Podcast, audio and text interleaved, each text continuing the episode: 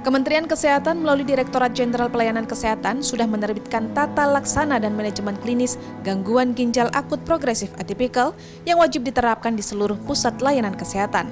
Namun, ibu bisa mendeteksi gangguan ginjal pada anak secara mandiri sebelum memutuskan membawa anak ke pusat layanan kesehatan.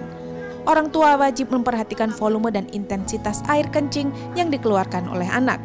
Gangguan ginjal akut terjadi dengan penurunan kesehatan tubuh secara mendadak Sementara gangguan ginjal akut progresif ditandai dengan penurunan secara mendadak dan cepat, sehingga deteksi dini harus dipahami oleh setiap orang tua. Apalagi dengan kondisi seperti ini, jadi paling tidak itu tiap 3-4 jam dilihat, uh, oh, an oh anak saya masih banyak kencingnya kan dilihat dari popoknya. Loh kok nggak ada ya produksi, kok nggak ada kencingnya ya, kok nggak ada air kemihnya. Nah itu kan bisa ketahuan dari situ lagi. Selain itu, pola konsumsi air pada anak harus lebih diperhatikan. Jika penurunan intensitas air kemih disebabkan karena anak kurang minum, maka orang tua harus berupaya untuk mendorong peningkatan konsumsi air putih pada anak.